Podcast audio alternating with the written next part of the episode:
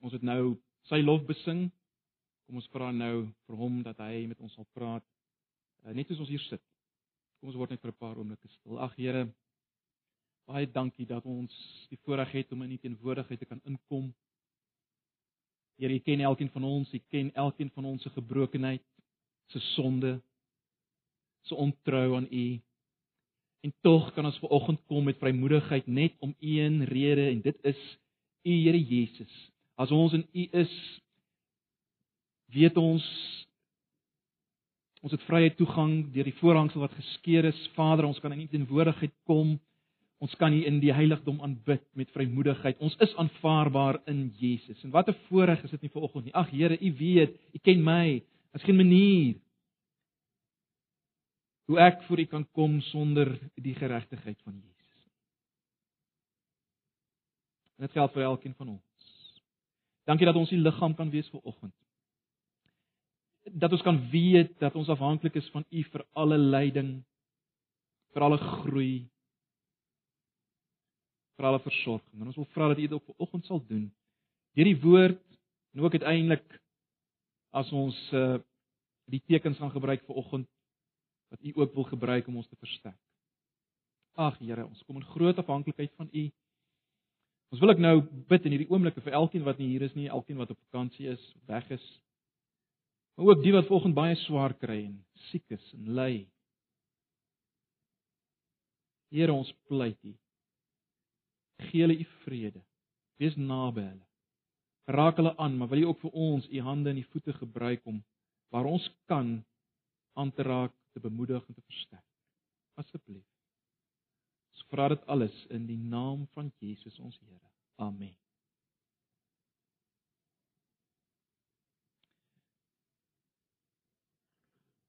Nou ja, broers en susters, uh, ons is nog besig met Eksodus.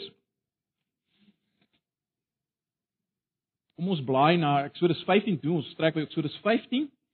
Ehm um, ek wil maar net weer sê omdat ons besig is met 'n verhalende gedeelte, en ons hanteer eintlik groterige gedeeltes, is dit onmoontlik om nou hier op een gedeelte in te gaan en uh dit logies uit te lê soos ons byvoorbeeld met die boek Romeine sal doen, soos 'n bietjie ander manier van van van van benadering. Uh hierdie gedeelte wat ons nou na kyk, gaan julle in julle selgroepe hanteer. Ons gaan nou daar deurtrap, fyner na kyk, maar ek vertrou dat die dat die Here ons vanoggend gaan help om net eh, 'n uh, paar groter lyne raak te sien dalk.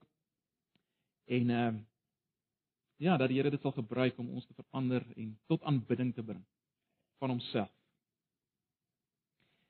Ek wil hê dat julle moet oopmaak by Eksodus 15 as julle nog nie daar is nie. Uh daar behoort ook 'n preekraamwerkie daar te hê, anders sal die PowerPoint 'n bietjie help. Ek gaan nie nou spesifieke gedeelte lees nie. Ek wil ek wil julle saamvat en dan gaan daar gedeeltes wees wat ek gaan lees, vers wat ek gaan lees, waarna ek gaan verwys. So kom ons maak net oop by Eksodus 15.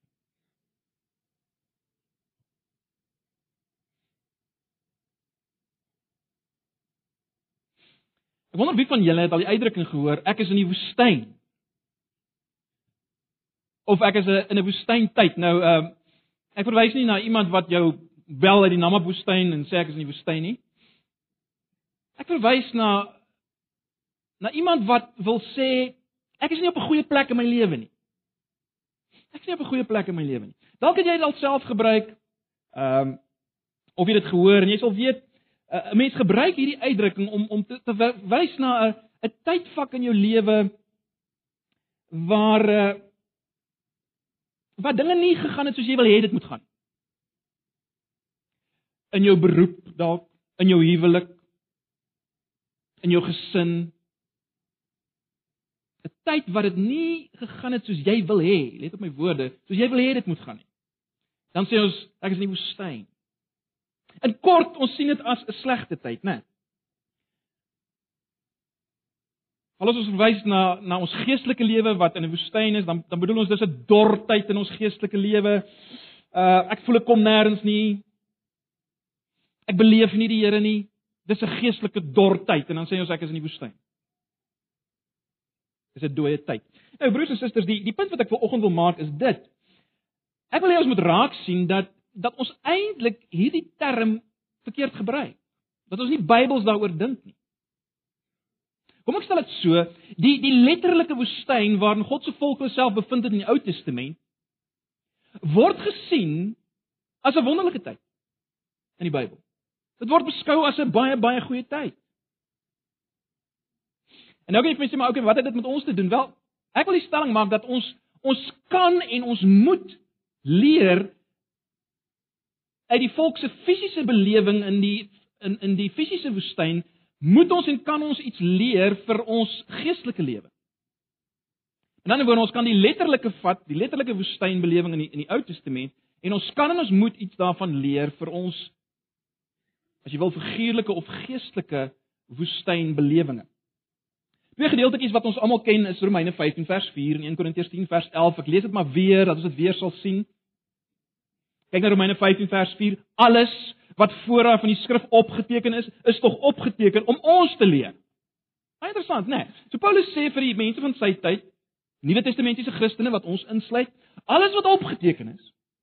Hy verwys, onthou, hulle verwys altyd na die Ou Testament. Die Nuwe Testament is nog nie daar nie. Verwys na die Ou Testament en hulle sê, alles wat opgeteken is is om ons te leer sodat ons deur die standvastigheid en bemoediging wat die skrif ons gee, vol hoop kan wees.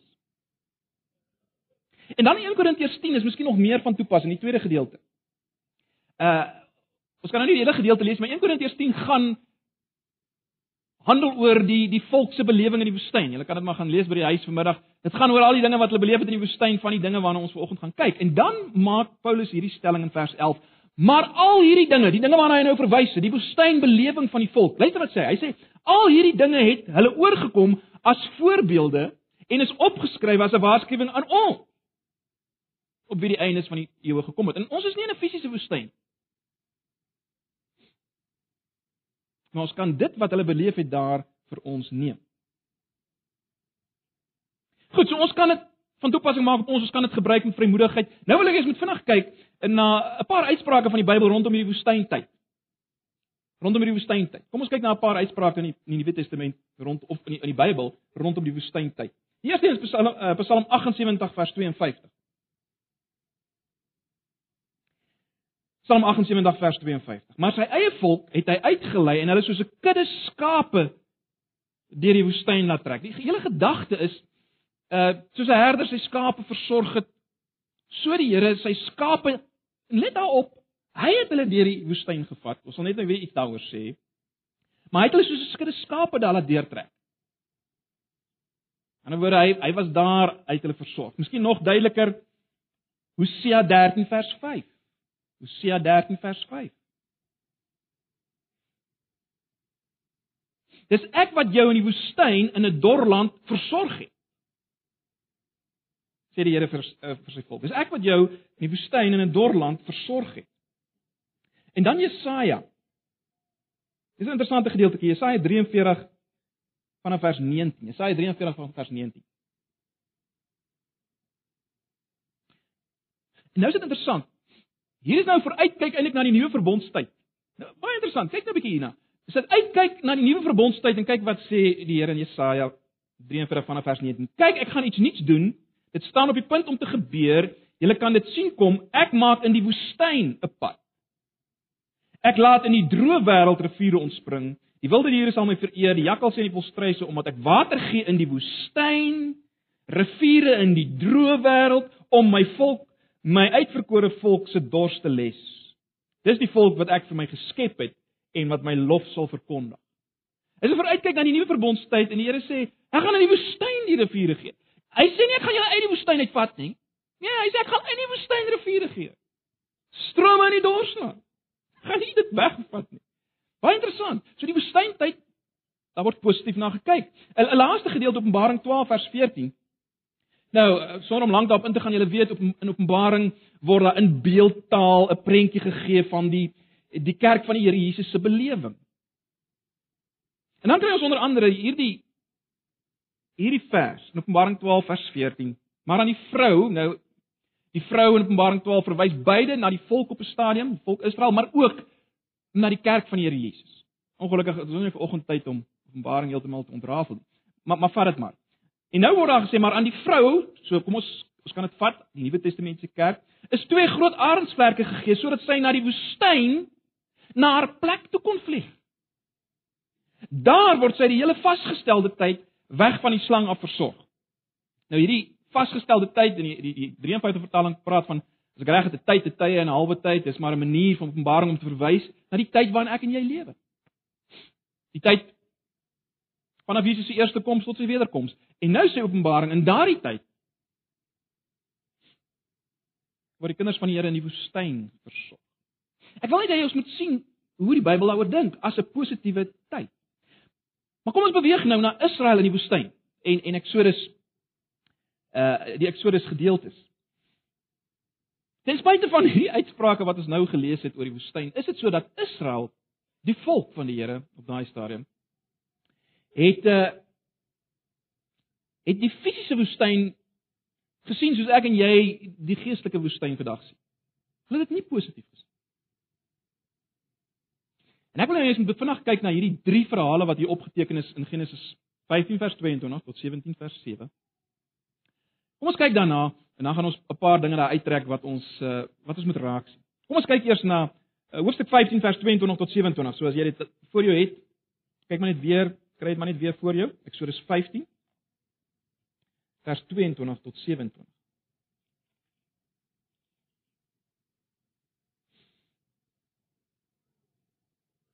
In die nuwe vertaling is die opskrif bitter water word soet. Ou vertaling het nog die opskrif Mara. Ehm uh, miskien is dit die, die term waarmee ons groot geword. Ons ken dit die die die die water by Mara. Wat het hier gebeur? Wel julle sal sien na in vers uh, vers 22 dat die volk was nou vir 3 dae sonder water. En broers en susters, ons moet nie fout maak, hulle was regtig dors geweest, hoor. 3 dae sonder water. Uh en dan kom hulle by hierdie plek Mara waar daar water is, maar kan hulle nie drink nie. Dit dit dit is nie 'n grap nie, hoor. Uh ons moet tog dit nie onderskat nie. 3 dae in die woestyn sonder water en dan kom jy en dan wil jy water drink en dit is bitter. Kan dit nie drink nie, dis ondrinkbaar. En dan kla die volk by Moses. Wat moet ons drink? En dan in vers 25 sien ons die volgende. Luister, uh, julle kan maar kyk daar, volg dan vers 25. So dis 15 vers 25. Moses het die Here aangeroep en die Here het hom 'n stuk hout gewys. Hy het dit toe in die water gegooi en die water het soet geword. Daar het die Here die volk op die proef gestel en daar het hy vir hulle vaste reël neergelê. Ek wil hê julle moet vir 'n oomblik raak sien hoe dit wat die Here hier doen, die volk moet herinner aan Egipte.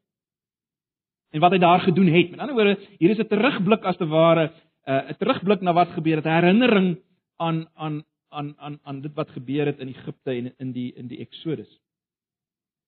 In die uittog. En wil hy ons moet raak sien wat die skrywer onder leiding van die Gees hier wil sê. Let op in die eerste plek Moses het die Here aangeroep. Dis 'n interessante term daai. Hy het die Here aangeroep in vers 25. Nou dis presies die term wat gebruik word as die volk die Here aanroep in Egipte in hulle nood. Roep hulle die volk uh, roep die volk God aan. Presies dieselfde woord wat gebruik word. En dan is dit nou baie interessant, nou doen God ook presies dieselfde as wat hy in Egipte gedoen het toe die volk hom aangeroep het. God doen eintlik dieselfde nou. Hy doen iets wat herinner aan aan dit wat hy daar gedoen het in die in in die plaag. Hy doen 'n waterwonder. Dis onthou in die plaag eh, eh, ja waterwonder plaas op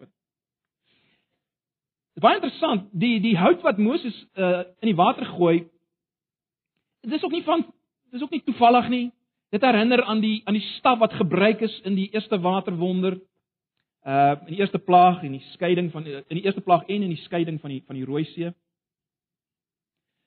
Dat Egipte hier in die agterkop is is is is, is baie duidelik as dit as Egipte eksplisiet in vers 26 genoem word, né? Nee, eksplisiet in vers 26.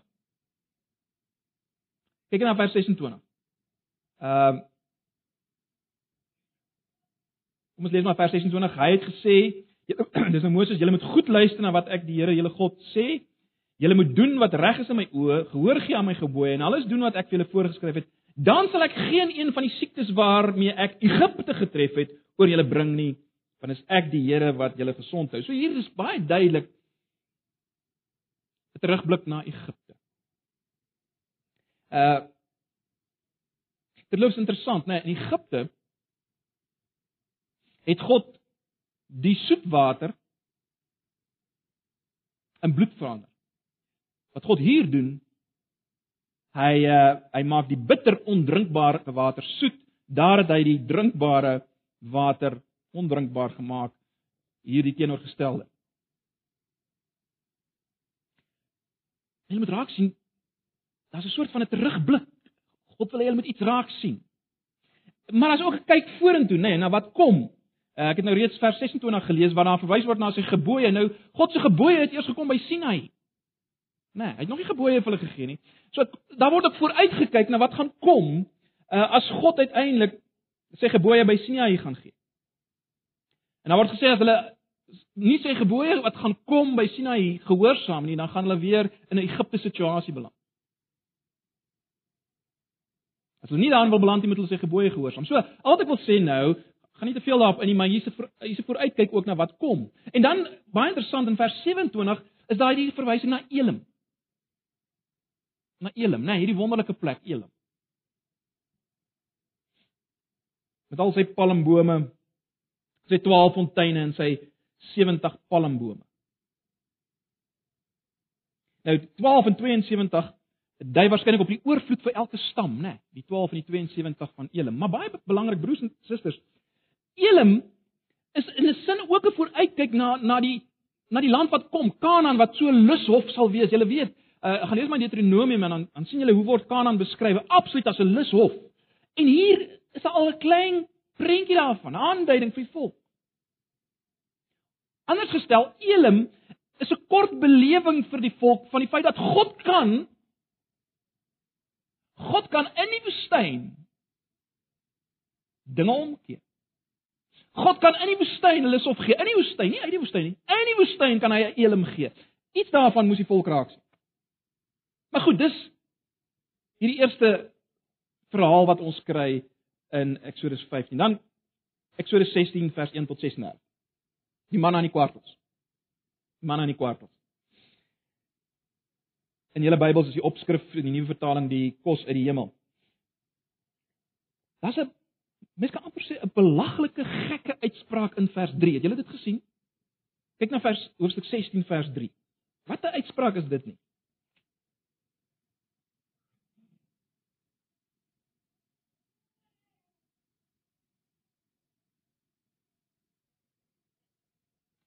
As ons maar liewer in Egipte omgekom het deur die hand van die Here terwyl ons by die vleispotte kon sit en oor genoeg kos kon hê om te eet, nou het julle ons laat wegtrek tot in hierdie woestyn om die hele volk van honger te laat omkom. Wat 'n geweldig, is dit? As mens nou as mens nou weet wat mens weet wat in Egipte gebeur het. Die volk is bereid om na hulle verlossing let wel, na hulle verlossing uit Egipte terug te gaan Egipte toe. Dis nie, dis beter daar vir die vleispotte. Dis skokkend. Maar broers en susters, daar's nog iets meer skokkend en iets meer verrassend as die volk se uitspraak in vers 3 en dis die Here se reaksie in vers 4. Dis die Here se reaksie in vers 4. Dit is geweldig, is dit nie? Dink aan wat hulle nou gesê het, in sy gesig gesê het en dan God se reaksie. Toe die Here vir Moses gesê vers 4 Let nou mooi op. Ek sal elke keer, ek sal elke keer vir julle kos uit die hemel laat reën. Vir wie sê hy dit? Vir wie sê hy dit? Hy sê dit vir hierdie mense wat nou net gesê het, kyk, dit is ons beter in Egipte by daai vleispotte. Ons wil hier wees nie. Dit is ons beter gewees daar. Vir daai selfe mense kom God en sê, ek sal vir julle kos uit die hemel laat reën. Dit is aangrypend, is dit nie? Dan moet die volk elke dag gaan en die dag se voorraad optel. So sal ek weer eens toets of hulle my opdrag wil nakom of nie. Geweldig, is dit nie? Geen straf nie. 'n Ou verwag straf. Ek meen dis 'n dis 'n klap in God se gesig vers 3, maar daar's geen straf nie. Broers en susters, as jy ooit gewonder het oor God se genade in die Ou Testament, wel hier is 'n voorbeeld. Daar's geen aanduiding van woede nie. Daar's net 'n toets. Net 'n toets of 'n soort sogenaamde proef in vers 4. Nou, net 'n opmerking daaroor.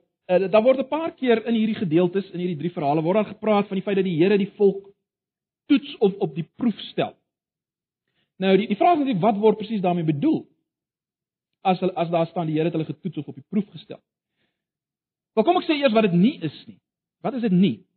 Dis nie 'n kwessie dat die Here die beproewings gee sodat die Israeliete op een of ander manier kan bewys dat hulle hulle posisie as God se volk waardig is. Dis nie hoekom hy hierdie sogenaamde toetse of beproewings gee. Dan nou is nie geval dat hulle moet eintlik bewys dat hulle is dit waardig om nou as sy volk nou hier te trek in die woestyn. Nee. In Eksodus 20 vers 20 en nou ek het dit nie daar op die op die PowerPoint, julle maar luister of so intoe blaai. Moses gee daar 'n interessante antwoord aan die volk en ek dink hier is 'n aanduiding waaroor dit gaan in hierdie beproewing of toets. In Eksodus 20 vers 20. Moenie bang wees nie sê Moses, want God het gekom om julle te toets.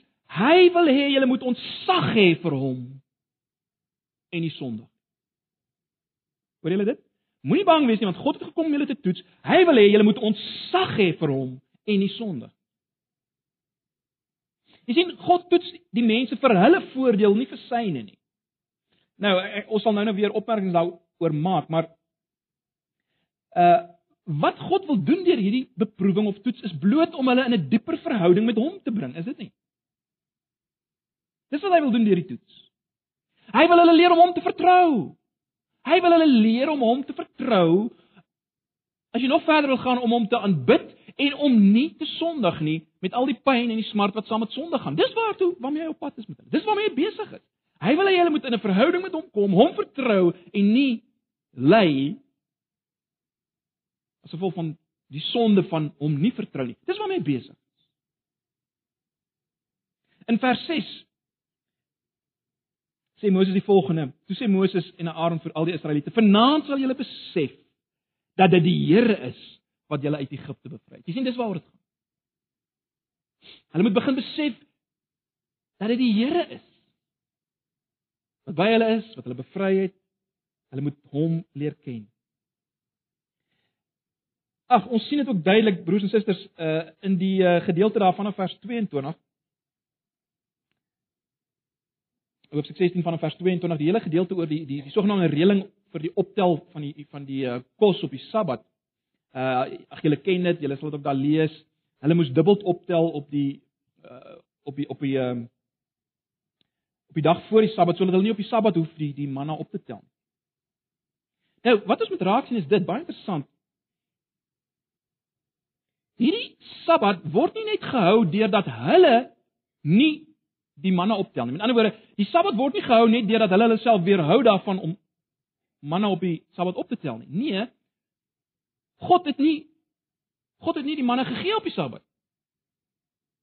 Dis belangrik om dit raak te sien. Dis so dis nie 'n kwessie van daar was daar was manne op die Sabbat, maar hulle moes maar net nie dit vat nie. Nee nee. God het nie op die Sabbat manne gegee nie. So wat is die punt wat ek wil wil wil, wil maak? Hulle moes God se patroon navolg. God het gerus op die Sabbat. God het nie die manne gegee op die Sabbat nie. Hulle moes nie manne op die Sabbat optel nie. Hulle moes God se patroon navolg, die patroon wat God in die skepping gelê het. Hulle moes dit navolg. Die, die punt wat ek wil maak is, jy sien dit gaan weer oor God. Dit gaan oor God.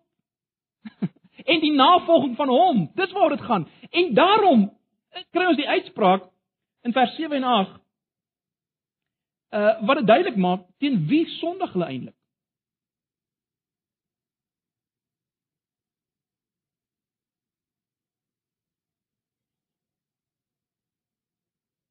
Kyk wat word, word gesê in vers 7 en 8 van Eksodus 16. Môreoggend vers 7 en 8 van hoofstuk 16. Môreoggend sal julle sien hoe magtig die Here is. Hy het gehoor dat julle teen dat julle julle teen hom verset.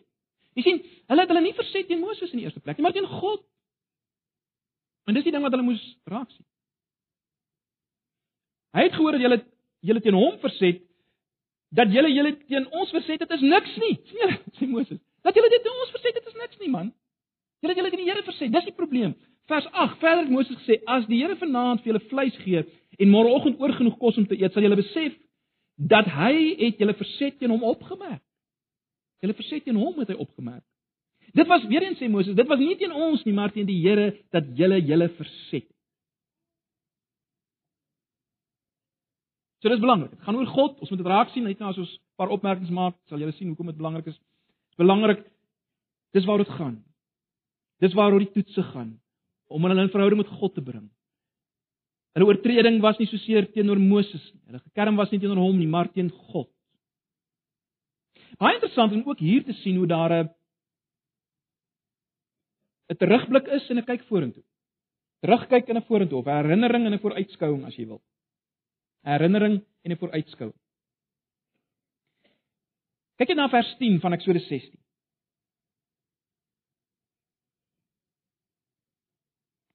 Vir 'n oomblik gee die Here vir hulle 'n kykie van sy Eksodus krag, sy uittogkrag. Onthou julle daar het dieselfde gebeur. Ons gaan nie dit nou lees nie, maar julle sal dit onthou, maar kyk nou na vers 10. Eksodus 16 vers 10.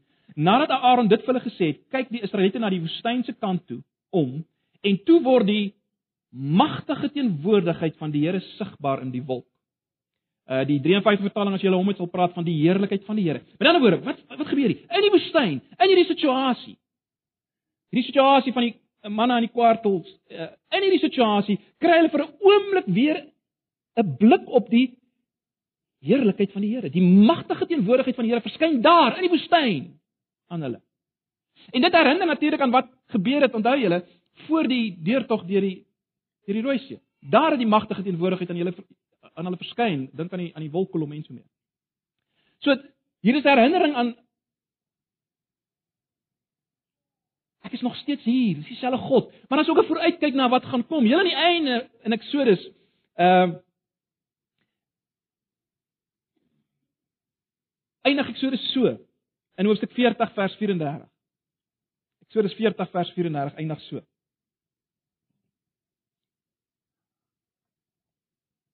As die tabernakel klaar gemaak is, dan eindig dit so. 'n Wolk het die tent van ontmoeting oordek en die magtige teenwoordigheid van die Here het die tabernakel gevul.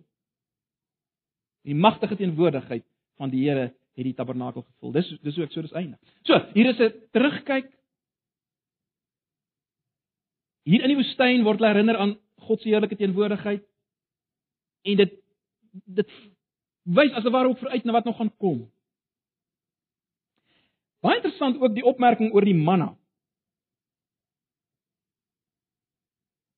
Eksodus 16 vers 31. Eksodus 16 vers 31. Die Israeliete het die kos manna genoem. Dit was wit soos koriandersaad en het soos heuningkoek gesmaak. Nou broers en susters, dis nie toevallig nie. Onthou julle wat het die Here beloof al vroeg in Eksodus 3 toe hy met Moses in die brandende bos ontmoet het? Later word dit weer baie genoem in Deuteronomium. Onthou julle hoe word die land Kanaan beskryf? Daarom het ek afgekom, dis nou God wat met Moses praat in Eksodus 3. Daarom het ek afgekom om hulle uit die mag van Egipte te bevry en om hulle daarvandaan te laat trek na 'n goeie en uitgestrekte land, 'n land wat oorloop van melk en honing. Alraai? 'n land wat oorloop van melk en honing. Dis wanneer toe God op pad is en nou hier in die woestyn gee hy vir hulle manna wat smaak soos honing. Hy sê vir hulle: "Wag, wag, wag. Kyk wat kom. Proe al nou al iets, proe nou al iets van wat julle in oorvloed gaan beleef in Kanaan." Sodat 'n as ek vooruitkyk, 'n voorsmaak van die seëning van Kanaan. Hulle ongehoorsaamheid terloops is is geweldig want dit herinner dit herinner ook aan iets en en dis nie so dis nie so goed nie uh, hulle ongehoorsaamheid herinner aan die ongehoorsaamheid van Farao. Geweldig, is dit nie? Vers 28 van hoofstuk 16. Die Here sê te vir Moses: "Hoe lank gaan julle nog weier om my beveelings en opdragte te gehoorsaam?" Dis presies dieselfde as wat gesê word vir Farao in hoofstuk 10. Moses en Aaron het toe na die Farao toe gegaan en vir hom gesê: "So sê die Here, die God van die Hebreërs: Hoe lank gaan jy nog weier om my aan te roep?" So broers en susters, ons moet sien die geweldigheid. Vanoggend wil ons nie daarop fokus nie, maar die geweldigheid van die volk se ongehoorsaamheid. Dit vergelyk met Farao. En dit in die lig of te midde van dit wat God besig is om te doen vir hulle in die woestyn. Maar goed, dit bring ons by ons derde verhaaltjie hier. Die derde gedeelte, hoofstuk 17 vers 1 tot 7. Die gedeelte oor die water uit die rots, ons ken dit ook almal.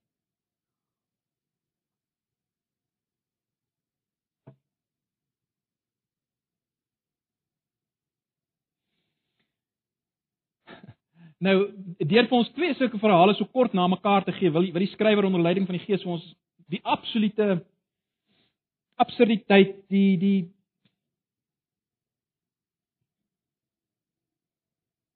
die diepte dimensie van die oortreding, as ek dit so kan stel, van Israel wys. Uh, twee twee sulke verhale kort na mekaar is geweldig. Hulle tekort aan vertroue in God is skreiend as as mens kyk na hierdie twee goed wat so kort na mekaar gebeur. Die volk kla oor die water weer eens. En dan is uh, Moses moedeloos. En hy sê in vers 4 Ons lees in vers 4 van Eksodus 17: Daarna het Moses tot die Here geroep: "Wat moet ek met hierdie volk aanvang? Net nou net nou gooi hulle my met klippe dood." En weer eens broers en susters, God se antwoord geweldig. Hy verwerp Moses nie in woede nie. Wat doen hy? Hy sê vir Moses: "Slaan die rots. Slaan die rots." En wat sien hulle daar voor hulle oë weer? Hulle sien weer eens dat God dieselfde doen as wat hy in Egipte gedoen het. Hy kan hy is die een wat wat mag het oor water om dit te gee of nie te gee nie. Ja, die woestyn is 'n dorre, dis 'n gevaarlike plek, maar God kan water bring soos hy wil in die woestyn. Dis die punt, né? Nee. God kan water bring soos hy wil in hierdie woestyn. En dit moet hulle hier sien. Dit sien hulle as Moses die rots slaan. Hier is hulle in die woestyn, daar is nie water nie, maar God kan in die woestyn weer eens water gee soos hy wil. Dit is baie interessant ook dat hierdie gebeure vind plaas naby Horeb, wat dieselfde is as die berg Sinai. Uh dis wanneer hulle op pad is om die verbond met die Here te sluit. Is ook nie toevallig dat dit naby Horeb is waar dit gebeur nie. Dis 'n aanduiding van dis die God met wie jy in 'n verbondsverhouding gaan. Die een wat water kan gee in die woestyn. Net nog een interessante opmerking oor oor hierdie gedeelte. Dis interessant die die manna moes hulle in 'n kruik hou om hulle te herinner aan God se goedheid. Hier word 'n naam gegee vir hierdie plek, Massa en Meriba in vers 7 lees ons daarvan. En hierdie naam moes ook die volk herinner aan iets. Dit moes die volk herinner aan hulle tekort aan vertroue. Dit moes die volk, dit moes die volk herinner aan hulle tekort aan vertroue in die Here. Uh met ander woorde, die goed wat gebeur het, moes nie net vir hulle wees nie, moes ook vir die generasies wat kom wees. Maar goed, broers en susters, dis die drie verhale.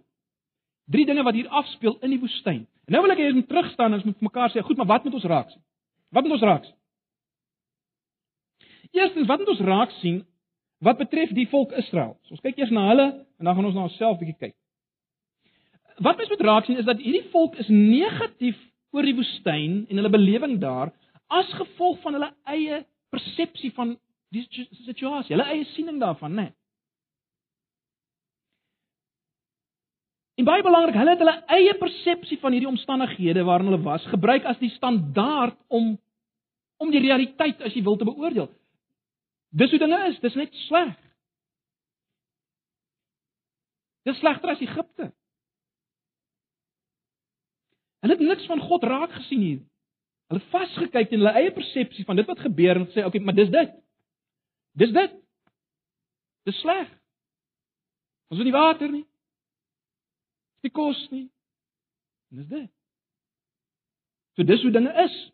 Dis hoe dinge is. Dis sleg. Maar dink 'n bietjie daaraan. Dink 'n bietjie daaraan. Hoekom was hulle in die woestyn? God het hulle in die woestyn ingelei. Het jy al daaraan gedink? Uh, ons sien dit in die verse wat ons gelees het, is daar aanduidings daarvan. Deuteronomium 8 is vol daarvan. God het hulle in die woestyn gelei. So dis belangrik om dit raak te sien. God het hulle in die woestyn gelei, die woestyn waarna hulle nou is. En baie belangrik, God is op pad met hulle na die beloofde land. En niks sou dit verhinder nie. Hoekom kan ons weet niks sou dit verhinder het? Eh, niks sou dit verhinder nie. Wel, want God het 'n belofte gemaak. Hy het 'n eed gesweer aan Abraham, Isak en Jakob.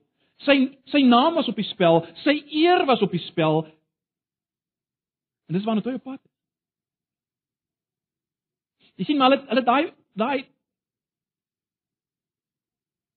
begrip nie op hierdie stadium gehad nie. Hulle het nie daaraan gedink nie, hulle het nie daarna gekyk nie. Hulle het hulself nie daaraan herinner dat God het met 'n eed beloof hy hy, hy hy gaan die land gee. En sy naam is op die spel, sy eer is op die spel. Niks kan dit verhinder nie.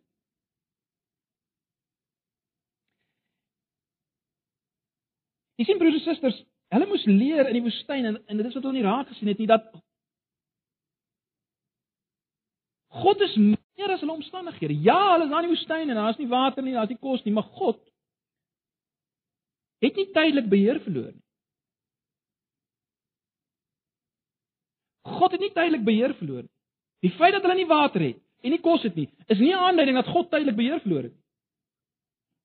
God is meer as hierdie omstandighede. En dit is interessant, is dit nie? Julle julle het dit nou raak gesien hoe hoe God hulle op 'n subtiele manier in die woestyn herinner. Wat hy gedoen het? Wie? En wanneer toe hy op pad? In die woestyn word hulle op 'n subtiele manier daaraan herinner. Daar's prentjies van van wat gaan kom en so meer. Maar wat is die punt? God was daar. God was besig met hulle. God het nie geswyg nie. Deur wat daar gebeur, in wat daar gebeur, is daar aanduidinge van wat hy al gedoen het en wat hy nog gaan doen. En God is God is in dit met hulle besig. Ons moet dit raak sien. 'n Ongelooflike ding wat ons raak gesien het is dat uh ten spyte van hulle gebrom en hulle kla en hulle murmurering dat God nie dit straf nie. Hy straf nie die murmurering nie, maar hy gebruik dit Dis te mooi. Hy straf nie hierdie murmurering hier nie.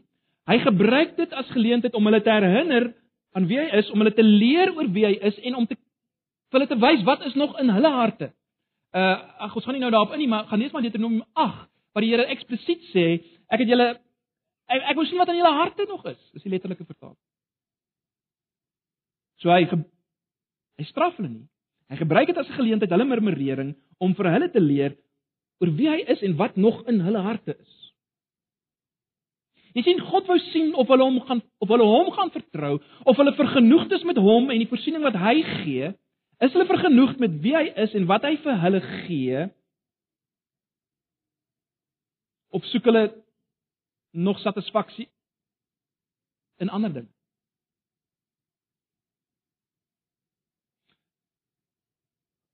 Ek sê weer hulle God wou sien wat is nog in hulle harte.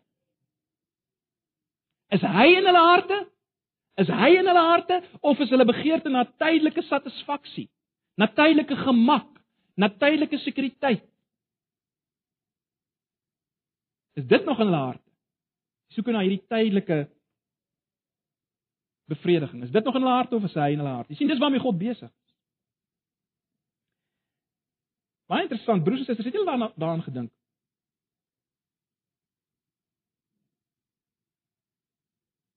Waarvoor was hulle in die woestyn? Onthou julle wat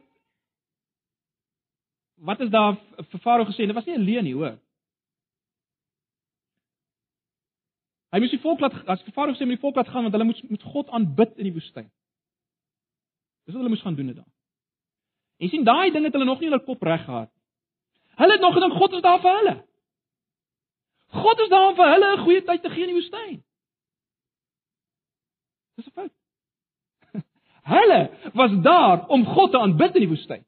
Hy was nie daar om vir hulle kos en water te gee in die eerste plek. Dis net waar die foutjie inkom. Hulle was daar om God te aanbid. Maar goed, dit was die volk. Kom ons kyk, kom ons bring dit nader aan ons eie lewe. En nou begin die prentjie bietjie verander as ons nader aan ons eie lewe bring, né? Nee. Luister mooi wat ek sê.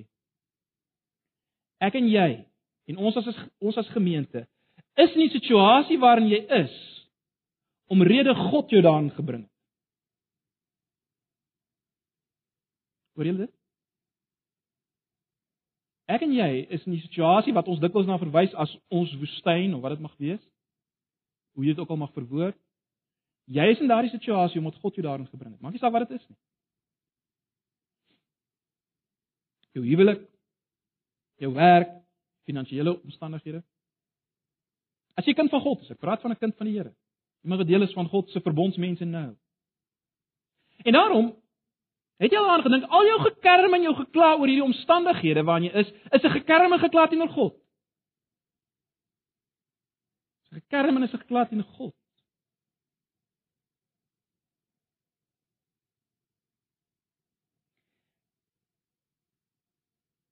Broers en susters, en dit terwyl ons kan weet dat God net soos met die volk is op pad met ons na die finale beloofde land. En niks sal omkeer nie. Sy naam en sy eer is op die spel. Dis waarna hy op pad is. Sy verbondsbeloftes in ons geval in Jesus Christus kan nie misluk nie. En daarom wat ek en jy moet leer is dit God is meer as my omstandighede. God is meer as my gevoel van doodsheid, my gevoel van dorheid.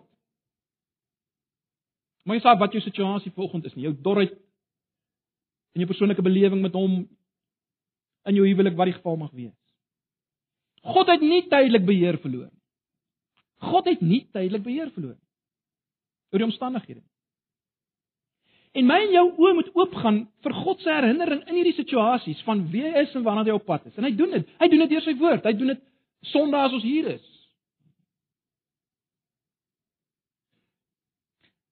Begin raak sien hoe God iets wys van wat hy gedoen het en waarna hy op pad is binne in jou omstandighede. Jy sal verstom wees om raak te sien wat hy doen. En ag broers en susters, kom ek en jy raak begin verstom raak oor die feit dat God nie ons gekerm en murmurering straf. En vir ons is dit is dit op 'n ander vlak, want die ongelooflike is en ek sal nou daarna verwys weer. Hy het dit reeds in Jesus gestraf, my en jou gekerm. En daarom gebruik hy hierdie woestyntye as 'n tyd om ons te leer oor wie hy is en 'n tyd om ons te wys wat is nog in ons harte. Wat is nog in ons harte? Jy sien God wil sien vertrou ek en jy hom? Is ons vergenoegd met wat hy gee? Of wat is nog in ons harte? Is ons harte nog die die begeerte na tydelike voorspoed en gena uh, uh, uh, uh, uh, tydelike voorspoed en genot? Uh, ek sal gelukkig wees as ek dit het. Uh, ek sal tevrede wees as ek dat het. As ek 'n beter dit het en 'n beter dat het. Of is jy vergenoeg met dit wat God vir jou gee in Christus Jesus? En dis waarmee God besig is. Broers en susters,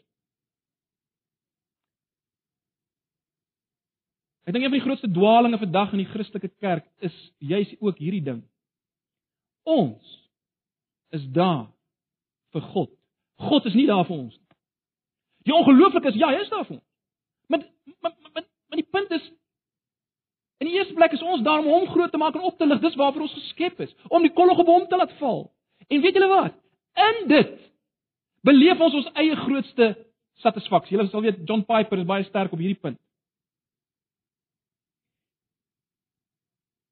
In jou grootmaak van die Here. In jou verheerliking van hom. In die laat val van die kollig op hom. Wat gebeur? Vind jy ook jou eie grootste vervulling en vreugde, want dis waarvoor jy gemaak is. Maar baie belangrik. Hy is nie eers 'n plek daar as die Vader Kersfees wat vir jou gee vir jou dit, gee vir jou dat, beter dit, beter dat. Nee, nee, nee. Hy is daar sodat jy hom kan aanbid en in jou aanbidding van hom en jou grootmaak van hom, vind jy vervul. En dis wat die volk nog nie besef het nie en dis wat ek en jy dit mos nie besef nie broers en susters. Maar ek sluit af met 'n laaste 'n laaste gedagte. Waarom kan ons so vergenoeg wees? En wil vanaand kyk na ek wil eers vanaand dink oor oor Jesus.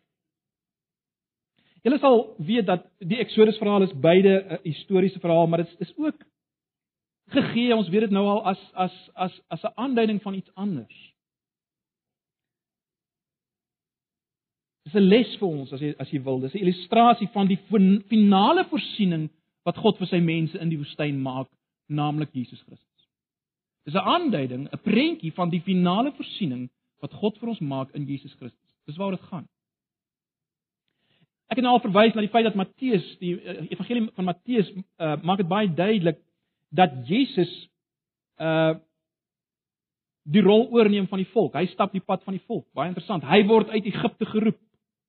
Dis om sy ouers in Egipte gaan, hy moes uit Egipte geroep word. Hosea 10 vers 1 wat aangehaal. Hy kom uit Egipte uit. Hy kom by die water, hy kom by die woestyn, hy kom by die berg. Ek gaan nie nou daarop in nie, maar die belangrike ding is Jesus stap hierdie pad in ons plek.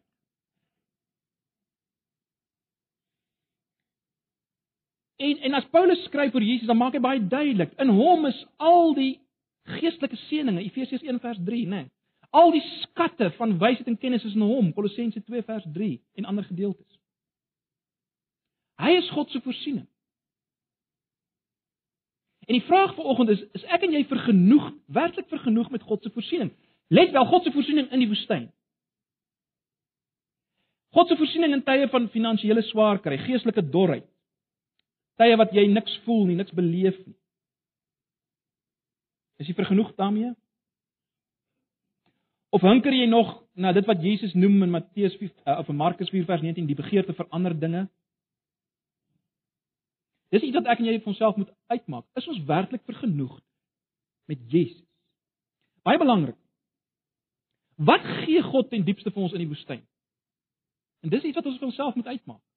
Wat gee God ten diepste vir ons in die woestyn? Wel homself. Homself. Hy gee homself.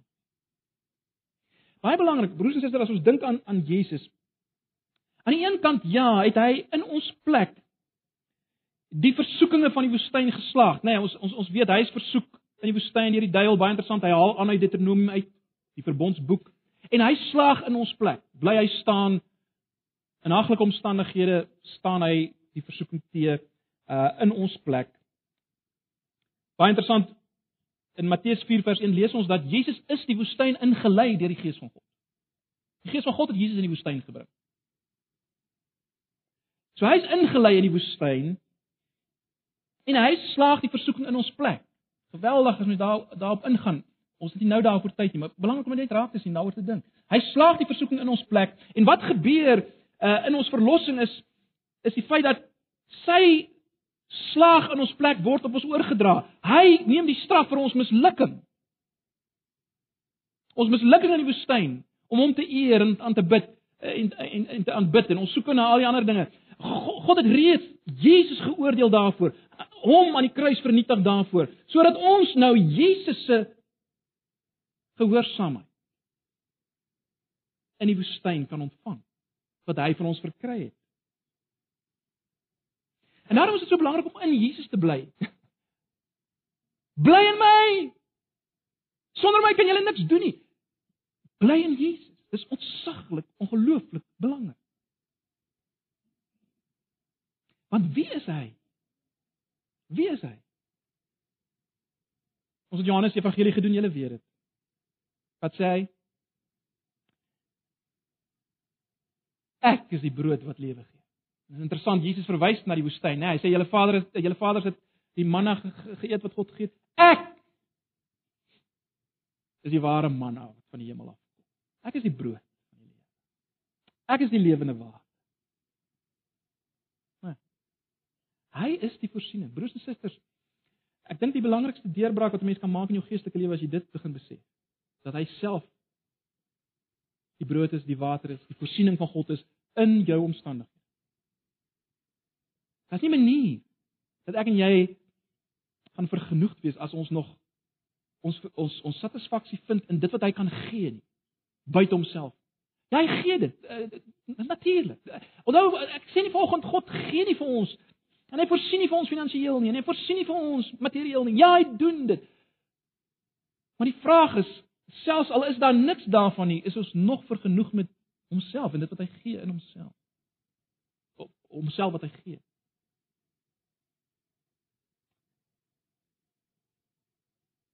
So ek sluit af. Ek sluit af.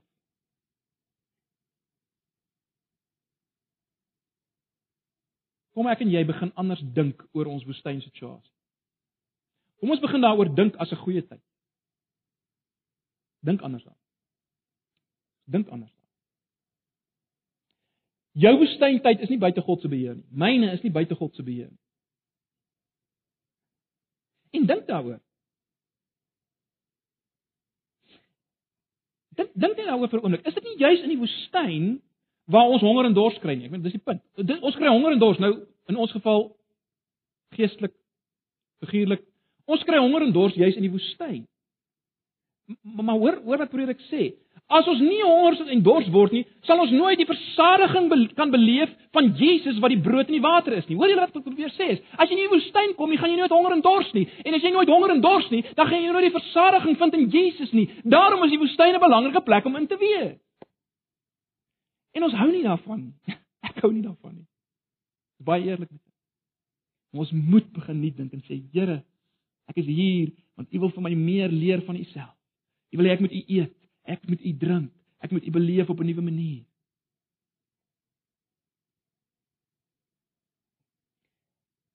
En ek en jy is daar sodat daar nog sodat die Here nog kan wys wat is in ons harte. Broers en susters, weet jy weet jy wanneer sien jy eers wat in jou hart is as jy in 'n in 'n woestyntyd is? O, ek is so bewus daarvan in myself. Uh, hierdie goed wat nog in my hart is kom uit. In in in tye wat dit nie gaan soos ek wil hê dit moet gaan. Dan kom die dinge wat nog in my hart is uit. En dis die dinge wat waarmee die Here wil handel. Want hy berei ons voor vir die land waarna ons op pad is. Dit sal nie gebeur as jy nie in die woestyn is. Wys jou wat is nog in jou hart. So, dink anders oor hierdie tyd. Dink radikaal anders oor die woestyntye. En ek weet dis dis nie so maklik as jy in dit is nie. En ek wil nie ligtelik een oomblik dit laat klink ag so ligtelik. Nee. Dis nie. Glo my, ek weet. Maar dink, kom ons dink anders. En kom ons gebruik hierdie tyd. Moenie jou woestyntyd wat verbygaan. Deur net te murmureer en te kerm en kla nie, gebruik dit om die Here te te leer ken binne dit en om jou eie hart te leer ken. Gebruik dit. En dan laastens, wat ons nie moet vergeet nie, broers en susters. Kom ons loof die Here dan. Dis die moeilike een, né? Baie moeilik om die Here te loof en te prys. Hierdie tye wat ons sê maar ek, ek verstaan dit nie. Dis erg.